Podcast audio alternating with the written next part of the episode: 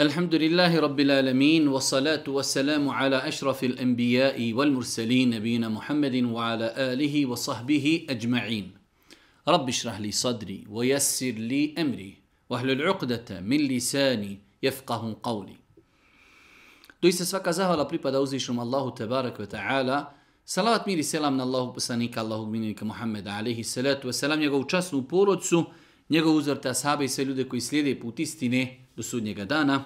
Uvažna braćo i poštovani sestre, uvaženi gledatelji, srijeda, naš ustaljeni termin u kojem se družimo, evo, nakon mjeseca Ramazana, sa vašim pitanjima i vašim dilemama koje vi šaljete na naš e-mail, a mi nakon toga pokušavamo da odgovorimo na pitanja za koja imamo kompetenciju i e, znanje.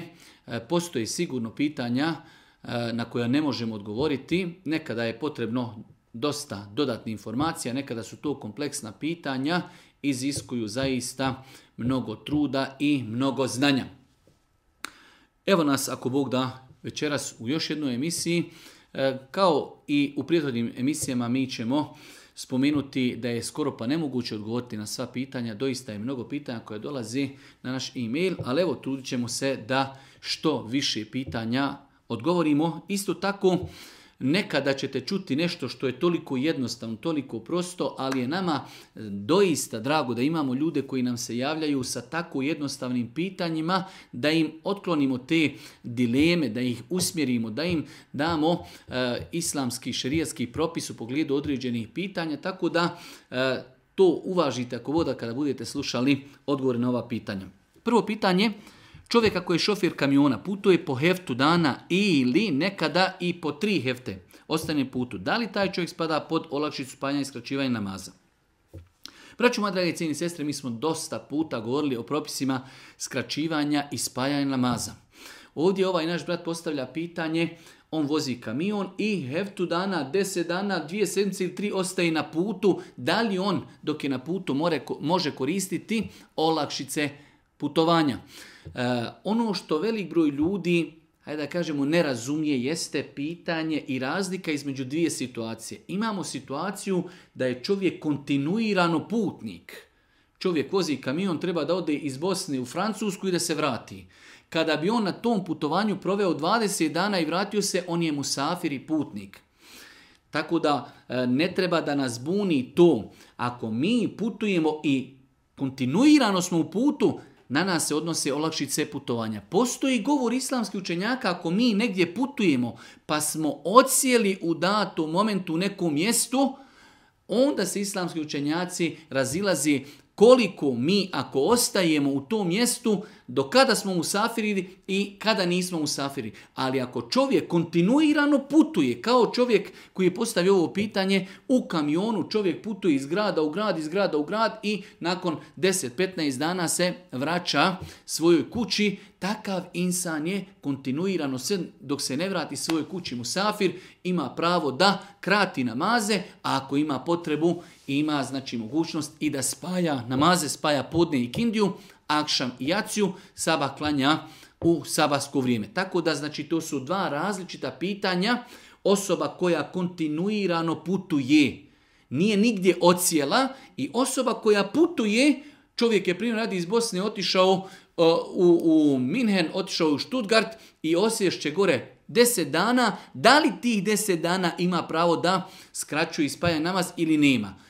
U tom pitanju postoji razilaženje kod učenjaka, ali ako insan kontinuirano se vozi i kontinuirano je u putovanju, on ima pravo, znači sve dok se ne vrati u svoje mjesto odakle je krenuo, ima pravo da koristi olakšicu putovanja od kojih je i kraćenje namaza i spajanje namaza. Ako nije od sunneta da nakon učenja Kur'ana kažemo semi e, sada Allahu šta reći nakon učenja Kur'ana? Nije mi poznato da postoji e, određena fraza koju je govorio Boži poslanik, niti njegovi ashabi nakon učenja Kur'ana. Tako da to što smo mi sada pod navnim nametnuli sebi da postoji neka riječ koju treba kazati nakon učenja Kur'ana, Znači, to ne znači da obavezno ima neka druga riječ. Tako da ono što je poznato, znači da je Allah poslanik ali se selam slušao sahabe kako uči Kur'an. Oni su učili Kur'an, Allah poslanik je učio Kur'an ne znam da postoji neka fraza, neka riječ, neka rečenca koja se izgovara nakon učenja Kur'ana. Tako da e, kontinuirano izgovarati sadek Allahu azim nakon učenja Kur'ana je sigurno najbliže što bi se tome moglo kazati jeste novotarija. Ako bi to insan ponekada, ponekada uradio, nadamo se inšala da nije griješan, ali osnova je čovjek uči Kur'an, završi učenje Kur'ana, zatvori mushaf i ide svojim poslom. Šta bi to jedan mojezin trebao da uči od početka do kraja namaza, shodno praksi Allahu poslanika na farz namazima, džumi, na fili, teravi i tako dalje. E, ono što je bila praksa mojezina Božijeg poslanika, ali i salatu wasalam, jeste učenje zana i kameta.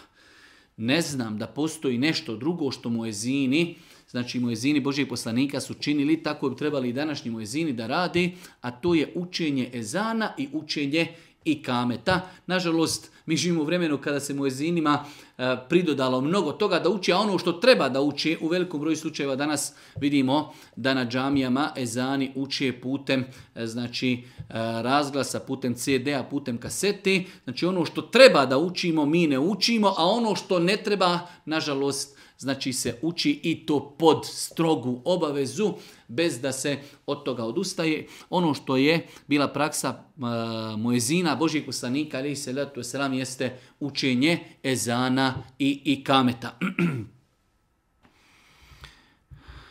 Mene zanima da li su imena Alina i Lina, muslimanska imena. Da li postoji u arapskom jeziku? Zanima me još koji je ispravan način nadjevanja imena djetetu, ispravan način klanja i podjele akiki. U svakom slučaju, mnogo puta se postavljaju pitanja oko nadjevanja imena. Ono što treba da zapamtimo jeste da osnova je da se svako ime može dati osim imena koja imaju, imaju e, ružno neko loše značenje. Tako da, evo ovo Alina ili Lina, ne vidim nikakve smetnje da se takva imena daju novorođenče tu. Način ispravan, e, način klanja kike i podjela kike, o tome smo dosta puta govorili. Znači sedmi dan po rođenju djeteta od sunneta je da se za muško dijete zakolju e, dvije ovce, dva ovna i za žensko dijete jedna. Svakako ako bi se i za muško dijete zaklala jedna ovca, inšal to bi bilo dovoljno. A kika, a kika se može podijeliti na e, bilo koji način koji je E, znači dostupan i lahak e, čovjeku koji kolje akiku, tako da može se meso ispeći pa podijeliti, može se podijeliti sirovo, može se ispeći pa pozvati komšije prijatelje da zajedno jedu ono što je najlakše insano Znači nije nešto preciziran kako i na koji način se akika dijeli, tako da znači sedmi dan od sunneta je. Ako insan ne bi mogao zaklasti akiku sedmi dan, neka je zakolji nakon toga kada može, a podjela mesa se vrši onako kako je čovjeku najlakše, može je podijeliti znači, u sirovim komadima mesa, može je ispeći pa podijeliti ispečeno meso, može je ispeći pa pozvati prijatelje i komšije da zajedno jedu, može na kraj krajeva dati tu akiku i za neku narodnu kuhinju, sve je tu za lovu pomoć ispravno. Je li dozvoljeno u svom vlastitom kafiću puštati muziku, da li je to haram zarada? E, rekli smo, više puta smo govorili o tome da po stavu četiri mezheba islamska muzika je zabranjena i to muzika koja je bila u to vrijeme, znači koja se ne, ne može porediti nikako sa tragovima koje ostavlja na insana koji sluša tu muziku, se četiri pravni škole mezheba, hanefijski, malikiški, šafijski, hambelijski smatrali su muzičke instrumente zabrajni. Velik broj ljudi ne pravi razliku između pjesme i muzičkih instrumenata. U islamu pjesma, ako pjesma da čovjek samo onako kao naše neke sevdalinke nešto zapjeva, bez ikakvih muzičkih instrumenata i da tekst nema u sebi ništa loše, u tome ako Bog da nema ništa loše pjesma kao pjesma, da čovjek zapjeva bez muziki i da u tekstu nema ništa loše, može ali bilo koji muzički instrument je u islamu zabranjen. Tako da puštanje muzike u kafiću je zabranjeno. E sada, da li to utječe na ispravnost novca kojeg čovjek zarađuje? Allah najbolje zna, to su dvije odvojene stvari. Ako se u, kafiću e, nudi i servira ono što je halal, čaj, sok, kahva, čevapi ili nešto slično tome, ako nema e, alkohola, ako nema nargile, ako nema droge i tako dalje, e, halal bi trebala da bude e, zarada, a puštanje muzike je zaseban, zaseban grijeh. Kakav je širijetski propis o odvajanju muška djeteta od roditelja, znači da se dijete e, nakon što se oženi odvoji od svojih roditelja, mi smo o tome više puta govorili e, da nema nikakve smjetnje da dijete kada se ženi, da se ženi u zasebnu kuću. Ako ima, ako ima e, materijalnu mogućnost, znači da da se dijete odvoji od svojih roditelja, svakako, svakako da obaveza dobročinstva prema roditeljima ostaje i kako, ali e, čovjek kada ženi ženu, ta žena, jedno od njenih prava u braku jeste da ona ima zasebnu stambenu jedinicu, da bude odvojena od roditelja svoga muža. To je pravo koje su znači definisali islamski učenjaci u knjigama e, islamskog fikha, islamskog prava fikha, da žena kada se udaje ima pravo da zahtjeva od svoga muža da žive u zasebnoj kući, zasebnoj stambenoj jedinici. Da li to može, može ili ne može, to je druga stvar. Da li će to žena tražiti od njega ili ne, to je druga stvar. Ali ako bi rekli da čovjek e, živi e, u drugoj kući, e, ne u kući svojih roditelja, ostaje mu obaveza posjeti roditeljima, dobročinstva roditeljima, dovi roditeljima i tako dalje. Tako da, dijete kada postane punoljetno i dijete kada se ženi, znači ima pravo, ima pravo da se, da se odijeli od svojih roditelja.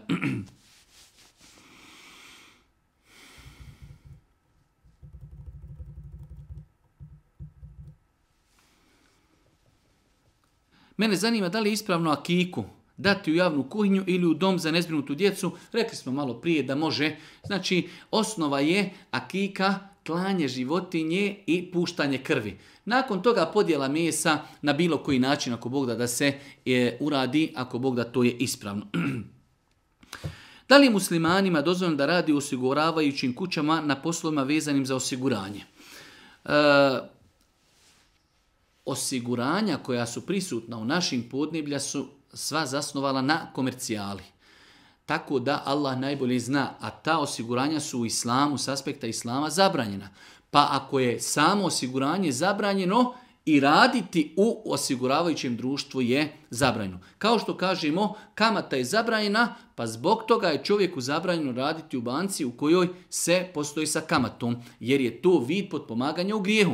Pa ako kažemo da je osiguranje onako kako je danas prisutno kod nas zabranjeno, zato što je zasnovano na komercijali i bilo koji vid potpomaganja i rada u tome je zabranjen. da li je dozvoljeno uplaćivanje životnog osiguranja? Allah najbolje zna, nije dozvoljeno uplaćivanje životnog osiguranja, znači zbog eh, dosta stvari koje su islamski učenjaci eh, spomenuli, eh, razlozi tih osiguranja, jedna od, jedan od razloga jeste nepoznanica. Čovjek uplaćuje svake godine nešto, a da li će biti oštećen, da li neće biti oštećen i tako dalje. Znači razlika je kada mi rekli želimo osigurati kuću. Pa nam neko pošalje stražara i stražari čuva našu kuću i mi tom stražaru platimo hiljadu maraka platu što je čuvao našu kuću. To je dozvoljeno. Ali mi plaćamo osiguranju kao osiguravaju našu kuću, ali oni ništa ne čuvaju. Ako se šta desi, oni će nadomjestiti štetu. Ako se ne desi, uzimaju novac kojeg smo mi platili bez ikakve nadoknade. Tako da, znači, e, u svakom slučaju kada su u pitanju osiguranja, e, neko uzima bespravno, neko uzima bespravno novac, tako da životna osiguranja, Allah najbolje zna, nisu dozvoljena.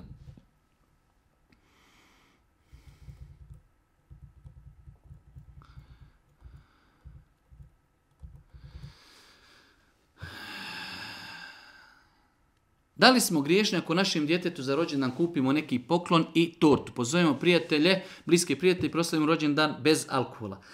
Allah najbolje zna, trebalo bi izbjegavati proslavu e, rođendana, jer ja neću da kažem da osoba koja to uradi proslavu da proslavi rođendan bez alkohola da je to grije.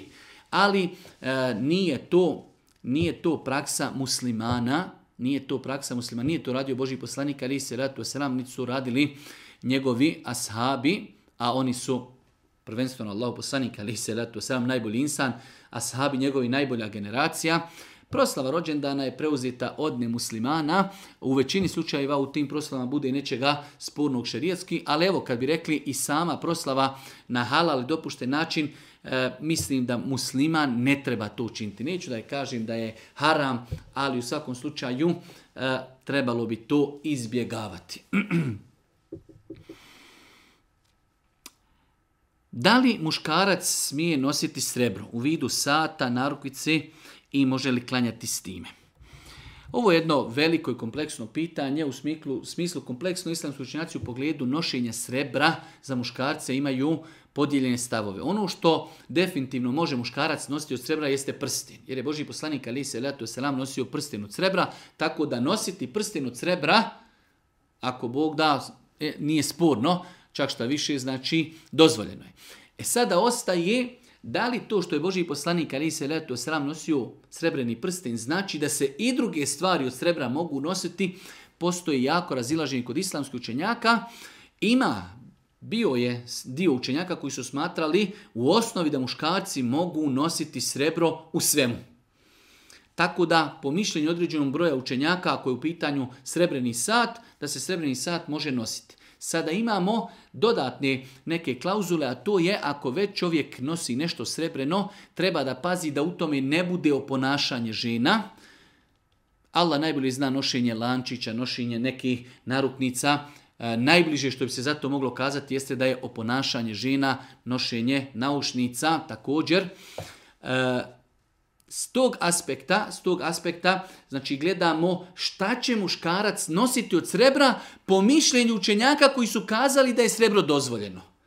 Pa ako će nositi sat, sat je nešto što je u osnovi dopušteno da nose muškarci i žene, tako da ostajemo na onom stavu da li muškarac može nositi srebro ili ne. Pa oni učenjaci koji su kazali da može nositi srebro, kažu da se sat može nositi. Ali ostaje e, da velik broj muškaraca počinje nositi od srebra nešto što je specifično za žene, kao naušnice, kao naruknice neke ili lančići što bi svakako musliman trebao da izbjegava. Tako da konkretno pitanje, znači musliman može nositi srebrni prsten, oko toga znači nema ako Bog da razilaženja, nakon toga ostaje da li može bilo šta drugo nositi od srebra. Dio učenjaka je smatrao da može nositi od srebra nešto što je dopušteno, u ovom slučaju konkretno sat. Dok druge stvari, znači treba da pazi da u nošenju tih stvari ne bude oponašanje, oponašanje suprotnog, suprotnog spola. Otkriveno mi je zaljubljeni džin. Išla sam jednom e, na učenje ruke i nisam bila više u financijskoj mogućnosti. Zanima me u slučaju da zatrudim da li taj džin može naštetiti plodu i bebi. E, u svakom slučaju prva stvar te konstatacije zaljubljeni džin, nezaljubljeni džin, E, veoma lako se iznose te konstatacije, e, zaljubljeni džin je u tebi, dosta puta ljudi e, dobiju, imaju problema, kompleks, sikiraju se, briga, depresija, ima u meni zaljubljeni džin. Veoma je teško doći sa konstatacijom i da možemo odgovorno tvrditi da je ta konstatacija tačno u čovjeku ima zaljubljeni džin. To je prva stvar. Druga stvar, E, u pogledu e, toga ovdje kaže se u pitanju u slučaju da zatrudnim. Pogledajte koliko mi se počnemo brinuti o tome da žena znači nije zatrudila, već ako zatrudim, da li džin može, može naštetiti plodu, djetetu, bebi i tako dalje. Prvo čovjek ne treba da se opterećuje tim stvarima.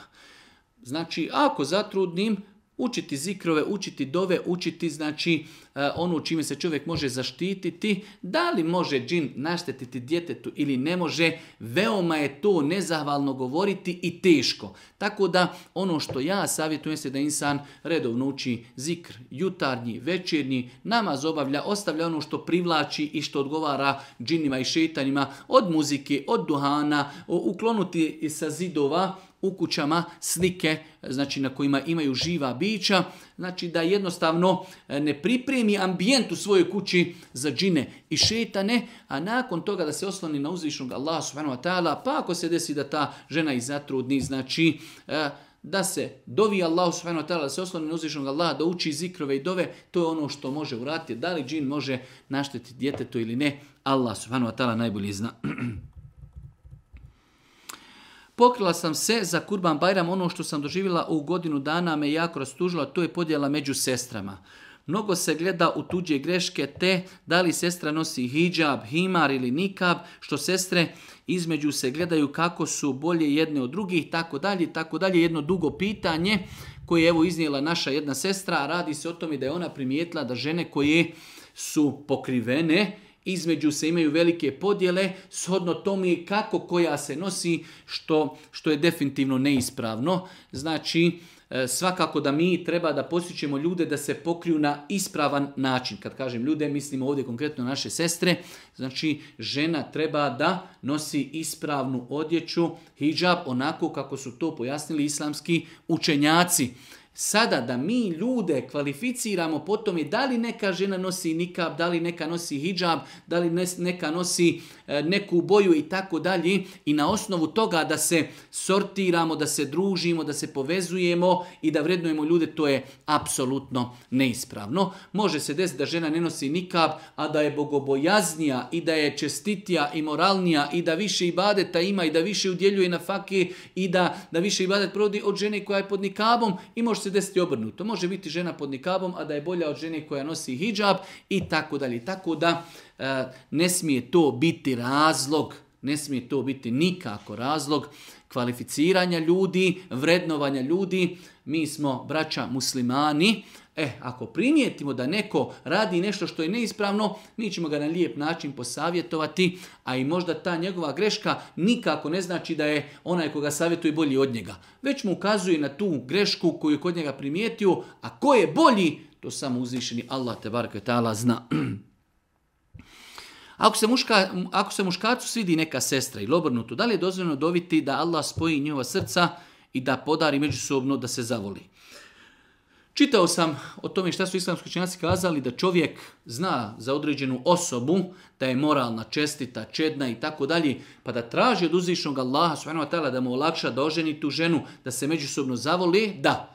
Znači da dovi Allahu da učini da znači da oženi tu ženu koja je čestita, moralna i da se njih dvoje zavoli, znači da, ali samo doviti da neko nekog zavoli bez da nakon toga stupaju u brak i da imaju ozbiljne planove, to je već nešto drugo. Ali da insan e, dovi uzvišnom Allahu da mu podari čestitu suprugu, da mu podari određenu osobu koju on zna da je moralna i čestita, da mu olakša da se znači njih dvoje i zavoli i da se uzmu, nema ako Bog da u tome ništa sporno.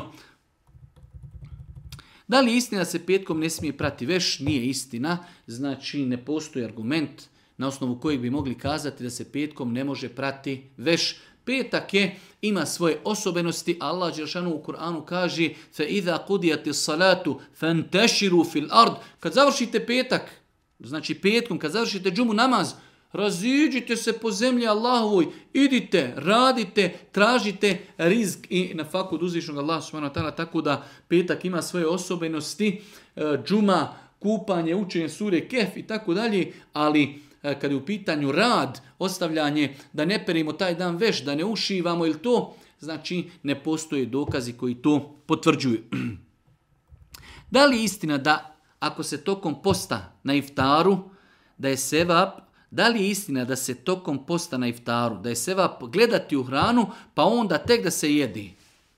Ne znam, znači ovdje je pitanje malo čudno, kao da li je istina i da li je potvrđeno da prije nego što mi se iftarimo hranom koju ćemo iftariti, da prvo u nju gledamo pa da je onda jedemo, svakako će čovjek prije što počne jesti pogledati u tu hranu, ali da je posebno gledanje u hranu, neki posebno imbadet, nije mi to poznato. Da li se smije zaklati kurban? Peći, pozvati familiju da se počasti na Bajram ovo je pitanje, pa čovjek već i daje odgovor. Ja koliko znam da je to zabranjeno po islamu, smije se samo jedna trećina uzeti sebi, ostalo da se podijeli je li tako. U svakom slučaju ovdje imamo nekoliko pitanja. Prvo pitanje je da li se kurban može e, ispeći, pa takav djel može. Nema nikakve smetnje da se kurban, znači nakon što smo ga zaklali, ispećemo i da ga tako dijelimo. Kod nas to nije neka praksa, nije običaj, ali ja znam ljudi, konkretno ljudi, znači, koji svoj kurban svake godine zakolju, ispeku, isjeku i tako ga ljudima podijeli. Tako da Allah najbolje zna u tome nema ništa sporno. Ostaje sad ovo drugo pitanje, to je e, da li je obaveza doista kada se dijeli kurban da se napravi ono tri trećine, pa jedna trećina sebi, jedna prijateljima, jedna siromasima. To je nešto što, je, što su islamski učenjaci pohvalili. Smatrali su da je to neka najljepša metoda, ali to nije obaveza. Nažalost, to se kod nas toliko ukorijenilo da ljudi misle da je sve mimo toga neispravno. Nema smetnje da čovjek znači ostavi sebi pola kurbana, a pola podijeli. Nema smetnje da podijeli cijeli kurban. Tako da e, pitanja podjele kurbana nisu strogo definisana hadisma Božeg poslanika ali se letu selam. Učenjaci su preporučili da se to podijeli u tri dijela, da se dio ostavi sebi, da se dio dadne prijateljima, poznanicima, ne zato što su bijeda, ne, već zato što su oni prijatelji poznanici, a jedna trećina da se da siromasima. U svakom slučaju, ako bi se uradilo i drugačije, da podijelimo cijeli kurban – da ostavimo sebi cijeli kurban ili da ili da e, ostavimo sebi polovinu ili da pojedemo polovinu, e, znači uz Allahu pomoć sve je to ispravno. Tako da i ovaj način, ako bi neko ispekao kurban svoj i nakon toga pozvao prijatelje i komšije da zajedno to pojedu, ne vidim u tome ništa sporno. Ova konstatacija, ja koliko znam da je to zabranjeno po islamu, nije tačna. Znači nije zabranjeno islamu da čovjek ispeče svoj kurban, niti je zabranjeno da nakon što ispeče kurban pozove svoje prijatelje i komšije i da kod njega to sve pojedu. Ono podjela na trećine je nešto lijepo, evo da kažemo lijepo, ali ne obavezujući. Kako se ispravno piše mašala i inšala? E, to pitanje treba pitati, da je to pitanje, treba pitati ljude čija struka je bosanski jezik. Ja sam se malo vraćao e, tome šta su kazale stručne osobe e, iz znači, struke o bosanskom jeziku, da se inšallah, mašallah piše jedna riječ, bez da se stavlja veliko slovo a u sredini riječi jer je to nepoznanica za bosanski jezik tako da se riječ inšallah piše jedna riječ znači bez stavljanja velikog slova u sredini riječi i mašallah se piše jedna riječ mašallah znači i ne stavlja se veliko slovo a u sredini riječi to je ono što je rekla struka iz bosanskog jezika. Selam aleikum, jedno, e, jedno što na pitanje odgovorili, aha, Snaha ima pravo da živi na strani sa svojim mužem, dobro. Ali da živi u kući svoga oca. A kako pravo imaju roditelji na svome sinu, e, pa u svakom slučaju malo gramatičkih grešaka, moja snaha to smatra da moj brat je samo za nju obavezan, a za majku da ništa ne brini.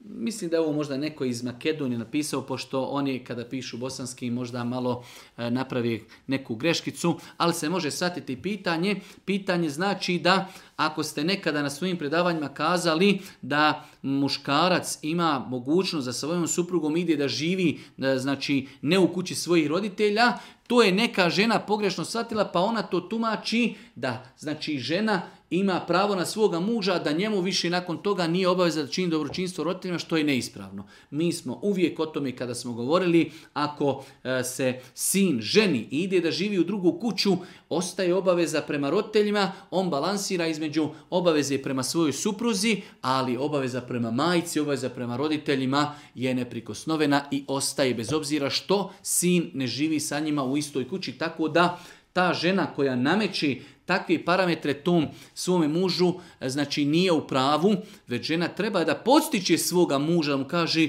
ovo su tvoji roditelji, treba da paziš na njih, čini dobročinstvo, obilazi i tako dalje. To je znači ono što bi trebala da radi prava supruga, vjernica, mominka, da podstiče svoga muža da brine o svojim roditeljima dok su još živi. Kako da pustim bradu kada mi majka ne dopušta? I onda ima malo duže pitanje.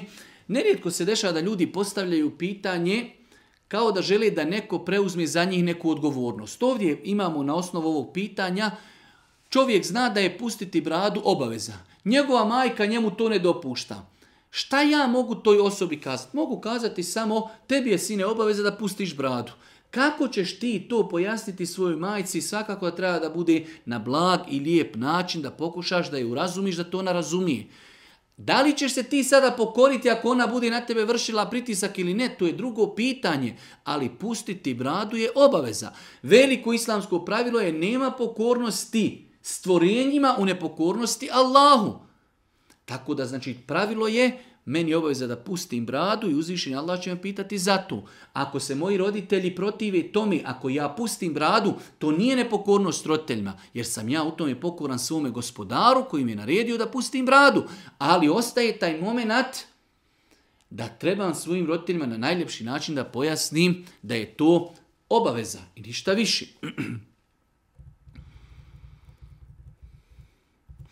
Moje pitanje da li muž smije E, da ženi prijeti sa drugom ženom. I da li može da sakri od prve žene da je se oženio s drugom ženom?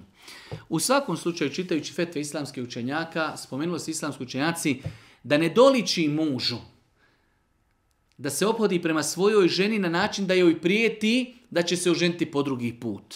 Allah Žešanu kaže u Kur'anu bil maruf I prema ženama se lijepo obhodite. Nije lijepo obhođenje da čovjek prijeti ženi. Ako insan želi da se oženi, treba da ispuni uvjete za poligamiju i ženstvo.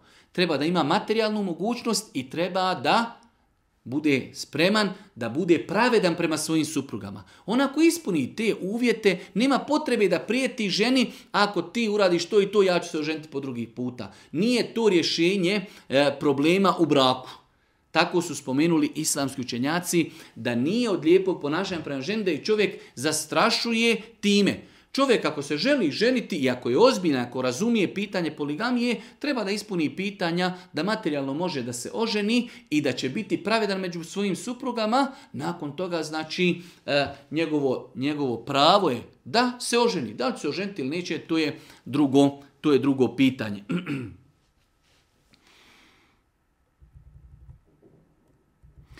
Pitanje jedno malo duže, a to je e, neka sestra nam kaže pošto se kod njih petkom klanja tri termina se džuma klanja, kada žene mogu uh, u tom vremenu da klanjaju podni namaz, pošto žene ne idu na džumu namaz, a u njihovom džematu se kao klanjaju u tri termina džume, kada žena može kod kuće klanjati podni. Žena može nevezano za džumu namaz, može klanjati podni onog momenta kada nastupi podni namaz. Tako da nekada Sada je tu u Bosni 10 do 1, nekada je tu 1, nekada je tu 12.40 i tako dalje. Onog momenta kada žena vidi po vakti da je nastupilo podni namaza, ona će kod kuće klanjati podni, njen namaz nije vezan za obavljanje džume i namaza u njihovom džematu, pogotovo u ovim slučajima kada se džume ponavljaju nekoliko puta, tako da žena, znači kada nastupi namasko vrijeme, klanja će podni namaz i uz Allahu pomoć njen namaz je ispravan. Kroz mjesec dana trebao bih dobiti sina. Ne možemo da se odlučimo za ime pa smo došli na ideju da mu damo ime Davud. Malo smo ne, malo sam nesiguran jer kod jevrija postoji ime Davud, Davudova zvijezda, slično, pa nas interesuje da li muslimani mogu dati ime Davud? Da. Muslimani kako mogu da daju svojoj djeci ime Davud. Uh, u nekim predama je došlo da je Boži poslanik ali se selam pohvalio nadjevanje E, poslaničkih imena. Davud alaih salatu wasalam je jedan od znači, e, poslanika koji uzvišnji Allah s.w.t. slao ljudima, tako da nema nikakve smetnje da u današnje vrijeme muslimani svome djetetu daju ime Davud. Naime, imam mali WC i nekada se dogodi kada ustanim i dok stojim pustim vodu, nekada kap ili dvije znaju odskočiti iz WC šolje i pasti mi na tijelo ili odeću. Ja sam do sada to mjesto gdje ka padne brisala vlažnim salavetama, pa me zanima je li to dovoljno. U svakom slučaju, u ovakvim slučajevima, bojim se da ovakve osobe, iako možda to rade zaista s ispravnom namjerom, ali je nešto s čime se opterećavaju bespotrebno. Čovjek kada pusti vodu, znači voda koja e, e, dolazi u WC šolju je čista voda, voda koja odlazi je nečista, tako da ako, ako bi pala na ljudsko tijelo, E, kapljica ili na tijelu ili na odjeću, sada se čovjek nešto mnogo oko toga sekira, ne treba se mnogo sekirati, ali ako hoće već da to ukloni, da očisti vodom ili da očisti neki bilo koji drugi način, ako Bog da e, sve je to ispravno i ne treba se mnogo time e, zamarati kako ne bi otvorio vrata, znači i vesvesama i došaptavanjima, što je veoma opasno i ostavlja po insana velike posljedice. Tako da insan sinšala ne treba mnogo osvrtati na te stvari, ali evo ako je već nešto kapnulo, da to insan uzme da očisti, znači ako Bog da, da je ispravno postupio. Esselamu alaikum, poštovani Pezić, pratimo vas puno dugo, naučili smo od vas mnogo, želimo da podijelimo sa vama informaciju da je moj tetak, muž od supruge primio islam, njemu je toliko godina, živi u tom i tom kontinentu, možete li za njega uputiti dovu? Možemo uputiti Allahu Đelšanu dovu, molim uzvišnog Allah subhanahu da ovog našeg novog brata učesti na putu istini. Zanima me ima li u islamu određeno koliko duga kosa mora biti kod ženi? Jedno interesantno pitanje, e, da li postoji određeno znači od e, odrednica koliku kosu žena mora imati. Tačno je, Allah najbolje zna, bilo je učenjaka da se ne iznenadite koji su smatrali da žena mora imati dugu kosu i da joj je zabrajno skačivati kosu, ali ne postoji zato jasni argumenti, tako da žene, pogotovo ako imaju zatim potrebu, nekada žene imaju potrebu zbog kupanja, nekada zbog znojenja, nekada zato što je kosa gusta, nekada zbog hijjaba, nekada zbog posla i tako dalje, nema nikakve smetnje da žene skrate kosu. Ono što je bitno da to skraćivanje ne bude tako da je to ponašanje muškaraca. Nešto što se kod nas zove na mušku se žena ošišala, na mušku. Koga oponaša muškarca? To je haram jer je to ponašanje muškaraca. Ali da žena skrati kosu do ramena na način kako to radi žene, a nije to muška frizura, nema ako Bog da u tome ništa loše ne postoji. Znači u islamu nešto što precizira koliko žena mora imati kosu. Čak se navodi u predajima supruga Božih poslanika, ali se selam, da su nakon smrti Božih poslanika skraćivale kosu, pa su koristile jedan termin koji se može razumjeti na više načina, ali su to učenjaci spomenuli da je to e, do, do, do ajde kažemo, do ušiju ili do ramena da su supruge Božijeg poslanika kratile kosu nakon smrti Božijeg poslanika, ali se leto sram da je to bilo zavrajeno, one to ne bi sigurno radile, tako da skratiti kosu, znači nije sporno, pogotovo ako zatim postoji potreba, bitno je da skraćivanje kosi da se tim ne oponajšaju muškarci ili da ta frizura nije svojstvena određenim ženama koji su poznate po razvratu i nemoralu, ali znači da žena skrati kosu, da frizira se i da pazi na svoju kosu, nema u tome, ako Bog da, ništa sporno. Interesno je šta čovjek da uradi ako na poslu ne može da klanja. Pitanje koje e, je veoma teško postaviti nama. Ni mi možemo samo kazati čovjek koji je obaveza da klanja.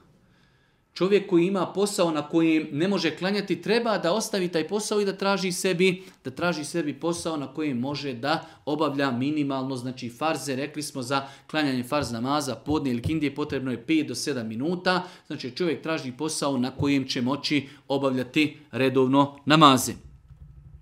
Dobio sam za Bajram Kur'an, s prijevodom Besim Korkuta štampan u Beogradu, ali su stranice porojedane kao u obične knjige, to jest od lijeve korice prema desnoj.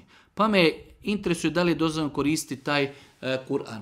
To što su stranice poredane od desna prema lijevo, od lijevo prema desno, nije razlog da e, taj Kur'an nije dozvoljeno koristiti. Znači, ako je Kur'an e, ispravno oštampan onako kako ide Fatiha, Bekara, Ali, Imran i da je e, prijevod Kur'ana poredan, znači onako kako treba da budu poredane sure, to što su poredani brojevi stranica suprotno od onoga što treba da bude, ako Bog da nije razlog da se taj mushaf ne može koristiti.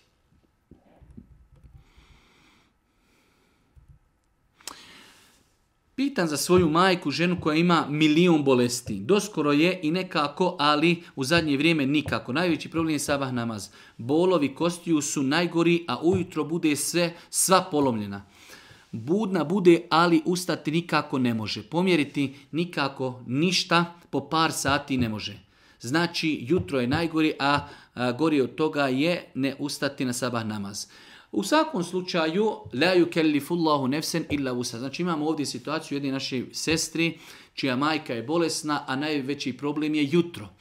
E, insan se treba bojati uzvišnog Allaha koliko može, tako da insan ako može klenjati stojeći, on će klanjati stojeći kako je došlo u hadisma Božih poslanika.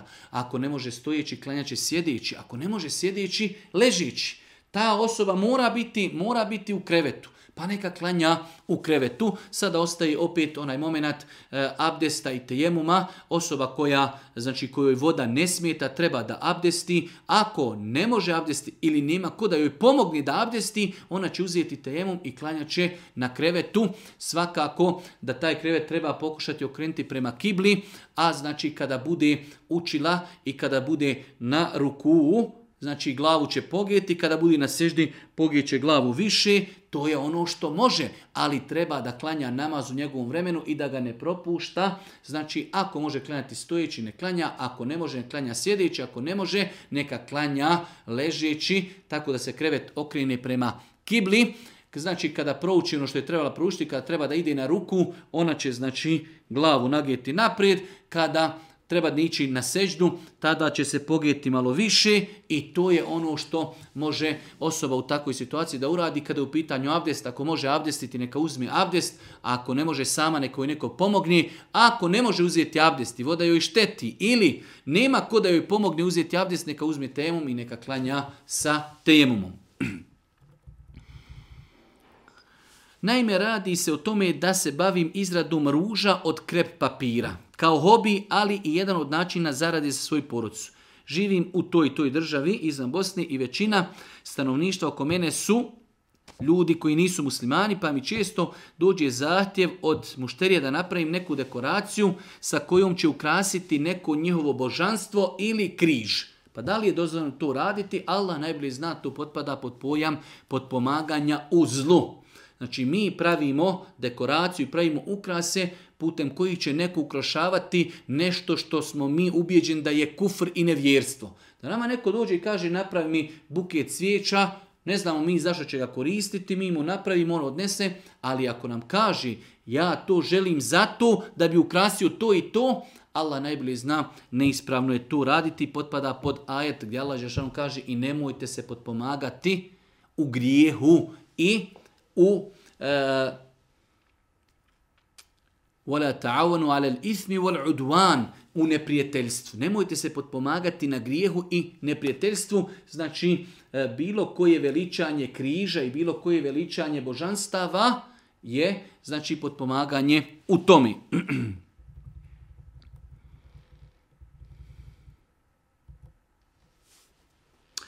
Koji su minimalni uslovi da bi se svadba organizovala? Da li se može napraviti kao vid večere za bližnju familiju budućih supružnika gdje će se obaviti šerijetsko vjenčanje?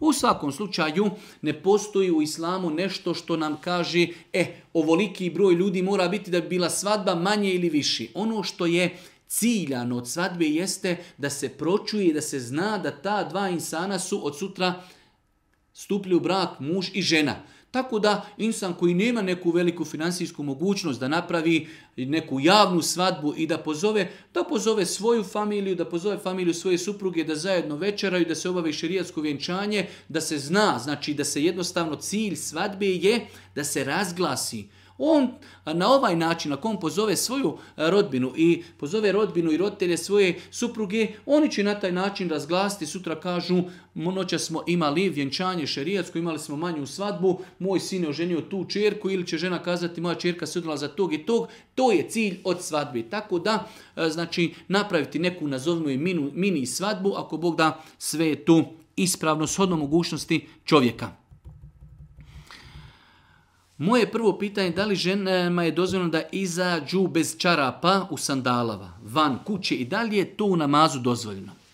Pitanje znači da li žene mogu napolje da iziđu, a da su otkrile svoja stopala i da li tako mogu klanjati. U svakom slučaju većina islamskih učenjaka džumhur smatrao je da je stopalo avret. Hanefijski učenjaci su smatrali da E, noga, znači stopalo nije avret. U svakom slučaju e, bolje treba žena muslimanka da pazi na svoje tijelo i da pazi e, na avrete, tako da žena muslimanka ne bi trebala da izlazi iz kući, znači otkrivenih stopala.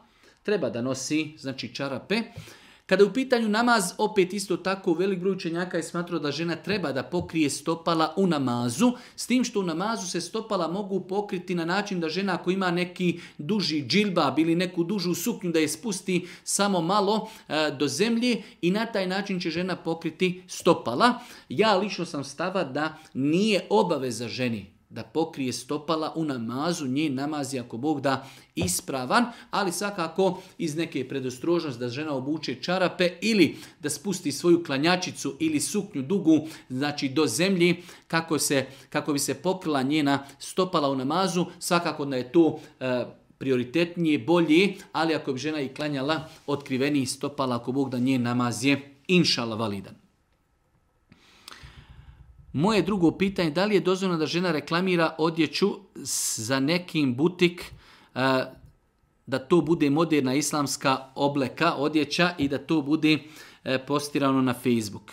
E, opet je ovo neko ko nije znači iz Bosni, E, pitanje da li žena može reklamirati modernu islamsku odjeću i da se to reklamira na Facebooku. Allah najbolje zna, znači e, osnova je ako je određena odjeća zabranjena, a ta moderna odjeća u dosta slučajeva istrukirana i suknja hlače, i mnogo ti nekih drugih stvari, e, koje su sporne šerijatom, ako znači ta odjeća u osnovi je zabranjena i samo reklamiranje takve odjeće je zabranjeno, odjeća koja je halal ispravna, opet treba izbjegavati da to bude znači e, reklamiranju od strane žene. Imamo dosta lijepih primjera gdje imamo butike koji reklamiraju islamsku široku lijepu odjeću gdje se ne vidi lice žene. Tako da znači insan koji želi da reklamira odjeću koja je ispravna opet može da postigne cilj da se odjeća reklamira, a da se opet znači ne forsira e, znači izgled ženskog lica,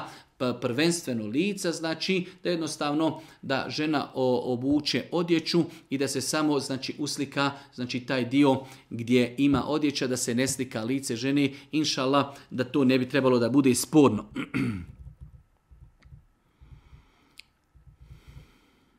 Počeo sam redovno klanjati, ispostio sam cijeli namazan, ali sam negdje prošao da Allah neće oprostiti veliki širk u koji e, potpada moje psovke i tako dalje. U svakom slučaju jedan brat je znači nekada radio velike grijehe, pa Elhamdula vratio se vjeri, ali ga sada tišti to što je čuo da uzvišnji Allah neće nikome oprostiti širk. E, ovo je neispravno razumijevanje pitanja širka. Uzvišeni Allah neće oprostiti širk osobi koja je činila širk i na je umrla. Ali insan koji se pokaje, pa kako bi onda insan iz neke druge vjere prešao u islam i primio islam ako uzvišeni Allah ne oprašta širk.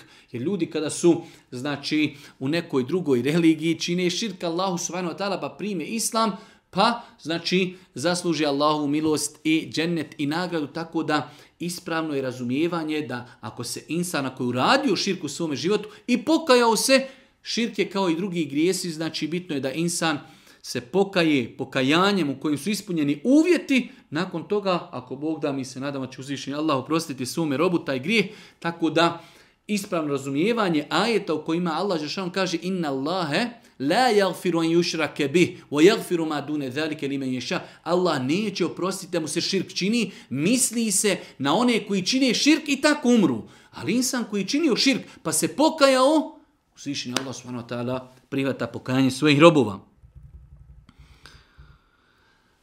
Moj babu pita da li je dozvan kupiti markicu zdravstveno osiguranje koja košta 20 km, vjerojatno ste upoznati s time, a onda čovjek ima dodatne pogodnosti pri liječenju, nabavljanju lijekova i tako dalje. Pošto ovo nije, znači, ovo je zdravstveno osiguranje, nije u pitanju komercijala, Allah najbolji zna koji insan ima za potrebu da kupi tu markicu kako bi imao određene privilegije prilikom liječenja, Allah najbolje zna, ne mislim da je to zabranjeno. Imamo jedno duže, duže pitanje, ja ću ga samo onako početi čitati da se zna o kome se radi. Moj svekar je u životu mnogo zapostio moga muža, na primjer, dva sina je školovao u fakultetu u Sarajevu, a mi smo iz tog i tog grada, tako da je potrošio sigurno više od 40.000 na njihovo školovanje, dok je mog muža e, školovao samo srednju školu i tako dalje. U svakom slučaju jedno duže pitanje gdje se jedna naša sestra žali na obhođenje roditelja prema njenom mužu gdje su drugu dvojicu sinova školovali, kupovali im i auta i laptope i kupovali im stanove za razliku od njenog muža gdje su ga samo školovali do srednje škole i nakon toga niti su mu kupovali laptope, niti su mu pomogli pri rješavanju stambenog pitanja i tako dalje. U vjerodostojnom hadisma je došlo da Allah poslanik ali se letu selam strogo, ali baš strogo zabranjuje da se pravi razlike među djecom. Tako da insan treba da se boji Allaha te bar Boži poslanik za nepravdu prema djeci, kada mu je došao jedan ashab i kaže došao sam da posvjedočiš, dao sam jednom djetu poklon, a drugom nisam, pa moja supruga me je poslala da tražim da ti to posvjedočiš. Kaže Boži poslanik, ja ne svjedočim za džaur, ja ne svjedočim za nepravdu, za zulum. Pa je Allahov poslanik čak rekao ittaqillaha wa'dilu bejne uladikum, bojte se Allaha i budite pravedni prema djeci. Pa je ovo jedna prilika da pozovemo našu braću i sestre da pazi kada imaju djecu, da pazi da budu znači ravnopravni prema svojoj djeci, da budu pravedni kad su u pitanju pokloni, osim u situacijama kada zaista situacija iziskuje da određeno dijete ima potrebe. Primjer radi čovjek ima troje djeci, pa se jedno dijete razboli. Trebaju dodatni troškovi, tada nije obaveza roditelja koji je dao za liječenje tu 20 tijela, kaže, e sad i vama trebam dati 20. Ne, on njega financira zato što ima potreba, i djeci daje shodno njihovoj potrebi. Pa znači mogu se napraviti razlike među djecom ako ima opravdana potreba. Jedan sin je narastao, treba ga ženiti, pa otac kaže, pomoću ti da se oženiš, ali kada i drugi narastu, i njima ću pomoći. To ako Bog da ne potpada pod pravilne razlike među djecom, u protivnom kada insan daje poklonje djeci, treba da bude pravedan i da to daje znači u istoj mjeri. E, velike su i mnoge su negativnosti koje proizilazi, a većina nas zna takve slučajeve u rodbini, prijateljima, kada roditelji forsiraju jedno dijete više od drugih, koliko negativno to ostavlja traga na drugu djecu u porodci. Pa roditelj treba da se boje Allaha. Čak su selefi navodili primjere da su pazili kada ljube svoju djecu, da su gledali da isti broj poljubaca poljube svoju djecu kako ne daj Bože nebe među njima napravili e, nepravdu. Pa znači Islam naređuje strogo da čovjek treba da bude pravedan među svojom djecom i zabranjuje da se pravi, znači, da se pravi razlika među djecom. Assalamu alaikum, ja imam problem sa ljenošću, ne da mi se klanjati nekada, nekada klanjam svaki namaz, a nekada nijedan. Može li nekad ova da budem uporan kod učenja, krećem na fakultet i tako da budem uporan u životu. Svakako, ne postoje neke posebne dove, ali insan treba da se vezuje srcem za gospodara, svojim riječima na bosanskom jeziku gospodaru, odagnaj od mene ljenost, učvrsti me na putu istine, pokaži mi istinu istinom, e, olakšaj mi njeno slijedženje, pokaži mi gospodaru grijehe grijesima i omrzni mi njihovo slijedženje. To su sve stvari koje čovjek svojim riječima može zamoliti Allah subhanahu wa da mu podari, znači da mu podari ambicioznost, da ga sačuva ljenosti. Allahu poslanik je bio poslanik, pa se utjecao Allahu te barek od ljenosti, pa čovjek može da se utječe Allahu subhanahu wa od ljenosti, da ga moli da mu podari strpljenja, sabura, ustrajnosti, da mu istinu pokaže istinom, pa da mu olakša njeno sliječenje. Sve te stvari čovjek svojim riječima može tražiti od Allaha subhanahu wa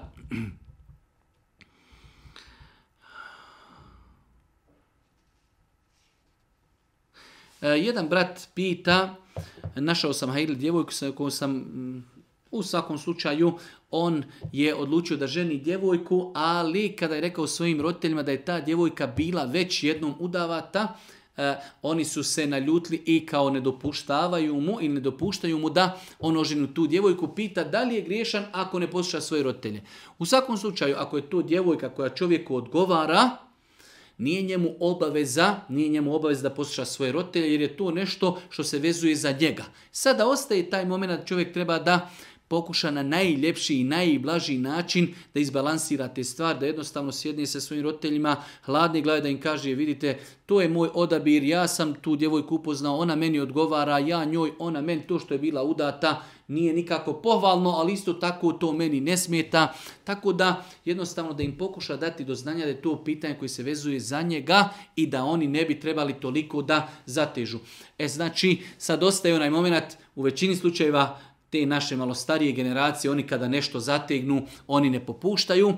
Ono što mi možemo kazati, čovjek nije griješan u ovom slučaju ako ne posluša svoje roditelje, zato što je pitanje vezano za njega, ali prema svojim roditeljima treba da bude blag, milostiv, samilostan, da im pokuša pojasniti na najbolji mogući način, znači e, da tu odluku treba da on preuzme i da znači se stvar vraća njemu. Da li je dozvoljno u kući imati fotografiju male bebe na kojoj ona spava ili ne vidi se oči ili je fotografija inače u potpunosti zabranjena? E, mislim da ljudi dosta stvari u pogledu slika i fotografija ne pravi razliku. Ono što u islamu zabranjeno jeste zabranjeno da čovjek okači sliku na kojoj imaju živi likovi, znači ljudi, životinje, e, da okači takvu, zidu, e, takvu sliku na zid.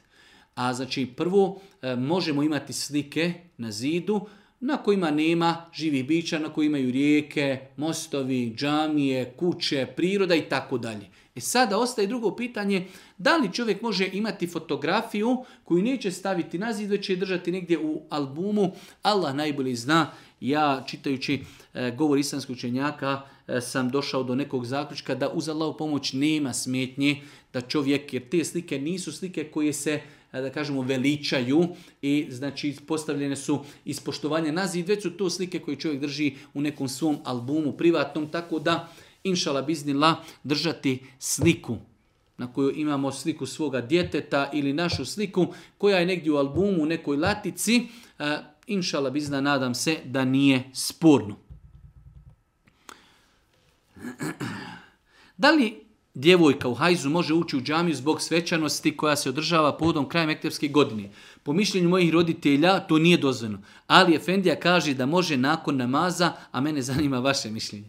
Znači imamo pitanje djevojka koja u periodu mjesečnice želi da bude u džamiji, znači kako je prisustvovala toj nekoj ceremoniji završnoj e, na kraju mektepske školske godine. E, roditelji smatraju da ona to ne treba činiti, Efendija je dao dozvolu, ja sam znači na stavu.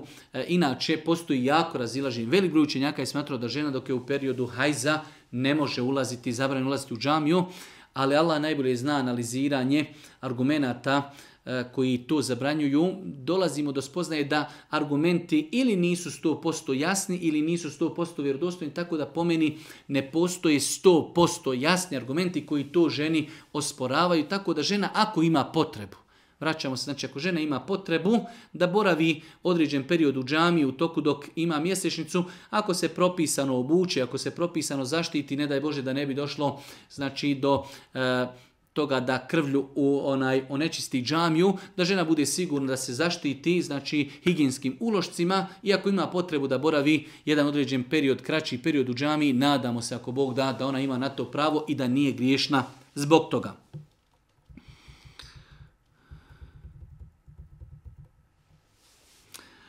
E, znam da su islamu Hamajlije zabranje, ali sam u kući od roteja pronašao Hamajliju u vidu knjižice pod naslovom En'am Hamajlija, koja je staro izdanje iz knjižare. Sve je na arapskom, ali da li je smijem unšti i kako postupiti u ovakvim situacijama?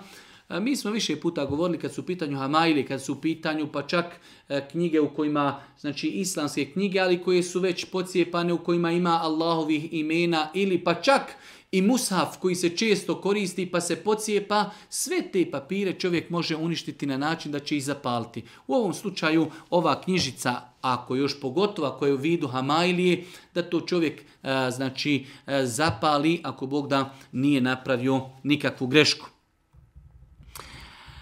e, jedno malo čudno pitanje, ali eto, žena koja je prošla 40 godina, koja ima zdravstvenih problema, ne može i nema potrebe za čestim intimnim spolnim odnosom, a muž je i ne zove često, baš zbog njenog stanja. Da li je žena u tome slučaju griješna? Pa evo, ne znam zašto je bila žena griješna, e, žena nakon tih poznih godina i nema neku veliku potrebu e, za intimom, a i muž je ne poziva, tako da ne znam zašto bi rekli da je ta žena, da je ta žena griješna. da li je u kafiću gdje se služi alkohol. Tražim novi posao, ali mi je ovo trenutni izvor financija od kojih moram da živim svako dobro i tako dalje. U svakom slučaju, rati u kafiću u kojem čovjek služi, služi alkohol je zabranjeno. Znamo hadise Allahu poslanika u kojima stoji da deset osoba je prokleto zbog toga, znači zbog njihove veze sa alkoholom. Deset osoba. Onaj ko cijedi, onaj koji proizvodi, onaj ko toči, onaj ko nosi, onaj ko pije i tako dalje. Tako da e, insan treba da se potrudi da se potrudi da nađe sebi halal posao, e, znači na kojim neće raditi nešto što je zabranjeno. Posljednja dva pitanja. Da li je namaz validan ako izgubim abdest u zadnjim namaskim minutama? namaz ima svoj početak, ima svoj kraj. Početak namaza je Allahu Ekber i pre, znači završetak namaza je Esselamu alaikum, Esselamu alaikum. U ovom periodu čovjek mora biti pod abdestom. Čovjek ako preda selam, eselamu alaikum, eselamu alaikum, nakon toga odmah ako izgubi abdest, njegov namaz je validan. Ali ako izgubi, namaz, izgubi abdest prije predavanja selama, svakako ako to nije uradio namjerno, znači čovjek će otići, obnovit će abdest, i ponovit će svoj namaz. Znači osoba koja izgubi abdest prije predavanja selama, njen namaz je pokvaren, treba da obnovi abdest i da ponovi taj namaz. Esselamu alaikum, imao je pitanje u vezi klanja kurbana, da li je bolje uplati kurban u Afriku ili neku zemlju gdje tamo jednom godišnje jedu meso samo za Kurban Bajram ili je preće zaklati u svome dvorištu ukoliko smo u mogućnosti podijeliti familiji, komši i sirotinji. U svakom slučaju, eh, insan koji ima mogućnost ima mogućnost da svojom rukom zakolje kurban i da taj kurban podijeli svojim prijateljima, poznanicima, komšijama, siromasima, bijedi, da svoju djecu odgaja, da djeca znaju. Nažalost, nekada se već dešava da imamo generacije koje odrastaju, ne znaju šta je kurban. Babo svake godine negdje tamo uplati neki kurban, Treba i djeca da vide taj kurban pa da znaju i da prisustvuju poslije sjeći mesa, podjeli mesa, djeca nose meso. Sve to ima svoje neke po, hajde pozitivnosti, tako da insan koji može svojom rukom, ima uvjete, Allah najbolje zna, lijepo je da to uradi. Isto tako, ako u datom momentu, kao što je kod nas situacija kada ljudi doista, u, kada su dani Kurban Bajrama, ljudi ne znaju više šta će od Čak znam slučajeve gdje ljudi, pogotovo ovčije meso, ljudi ne vole, ljudi nekada bacaju e, znači kurbansko meso i psima i bacaju ga e, u kontejnere. U takvim slučajevima ako čovjek nema kom je dati to meso, da znači pogotovo ljudi koji žive u dijaspori, u velikim gradovima, nemaju mogućnost da svojom rukom zakolju kurban, svakako da je ispravno da se zakolje kurban izvan, izvan e, države u kojoj oni žive, u ovom konkretnom slučaju u Africi gdje ljudi možda jednom godišnje E, konzumiraju meso, a to je kurbansko meso, tako da je to ako Bog da ispravno, svakako pod uvjetom da to bude realizirano od strane povjerljivih osoba, tako da u ovom konkretnom pitanju i jedna i druga opcija je dobra i ispravna, inšala ako insan to zakolje svojom rukom, dobro je postupio, zato što je to sunne da čovjek zakolje kurban svojom rukom, da podijeli svojim komšijama, prijateljima, bijedi, da njegova djeca uče šta je to kurban, mudrosti kurbana i tako dalje. A isto tako, znači, ako živi u podneblju gdje svi ljudi kolju kurbane, e, ljudi ne znaju šta će od kurbanskog mesa, da taj kurban svoj uplati preko povjerljivih, znači, institucija, pojedinaca, organizacija, da se to zakolji e, u Africi gdje ljudi jednom godišnje konzumiraju meso, svakako da je i to i ispravno i dobro. Tako da u ovoj konkretnoj situaciji, inšala, obje situacije, obje, obja, oba postupka postupka su, ako Bog da, ispravna. Molim Allah subhanahu wa ta'ala da ono što smo čuli bude korisno za nas. Molim ga subhanahu wa ta'ala da, da nam bude milostiv na sudnjem danu. Molim ga subhanahu wa ta'ala da nas poduči korisnom znanju. I na kraju subhanaka Allahume bihamdike. Ešhedu in la ilaha ilan stakfiruke. Wa etubu ilaik. Ah.